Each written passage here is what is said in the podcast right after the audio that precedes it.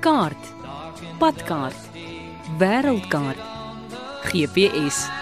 Misty taste of moonshine, teardrop in my eye, country road.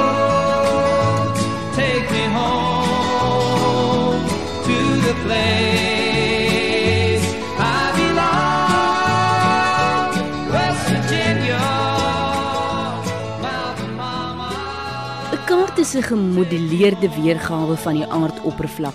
Meestal 'n geografiese weergawe, maar soms skematies. Tans is baie noukeurige kaarte moontlik danksy onder meer lugfoto's.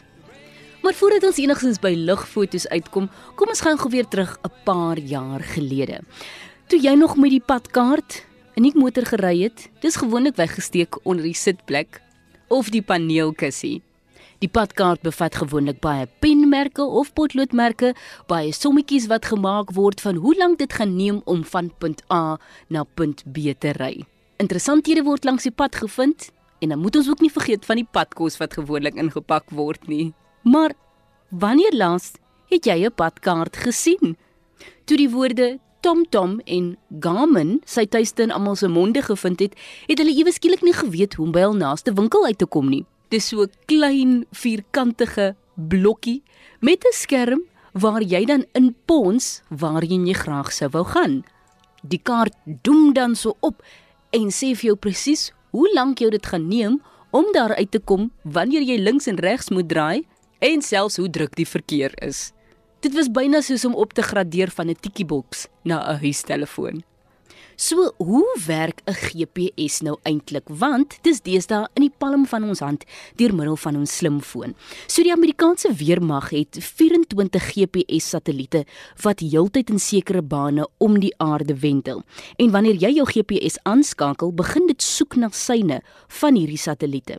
En vir 'n relatief eenvoudige bepaling van jou posisie, het 'n GPS kontak met ten minste 3 satelliete nodig. Daarom vat dit partykeer so lank vir daardie kaart om sy verskyning te maak. Omdat die GPS weet wat sy presiese posisie in verhouding tot die satelliet is, kan dit ook snelheid met groot akkuraatheid baie beter as jou ryding se snelheidsmeter bepaal. So kombineer dit nou met 'n ingeboude kaart en jy weet presies waar jy op die kaart is en hoe vinnig jy beweeg. Wanneer jy 4 of meer satelliete beskikbaar het, kan tot die hoogte bo seevlak redelik akkuraat bereken word, hoewel baie van die nuwer GPS'e ook ingeboude barometriese hoogtemeters het. So dit maak nie saak hoe duur jou GPS is nie, vir jou om te weet waar die paaie is, dalk 'n rivier vol krokodille en piepklein grensposte, maak jy maar staat op die kaart of kaarte wat daarop geïnstalleer is. Nou wie sou nou kon dink 'n padkaart byna so groot soos 'n koerant na 'n opdrag wat deesdae slegs deur jou stem uitgevoer kan word via jou slimfoon. Ek sê nog altyd soos die gesegde sê, hoe meer dinge verander, hoe meer bly dit dieselfde. Maak nie saak hoe groot of klein nie. I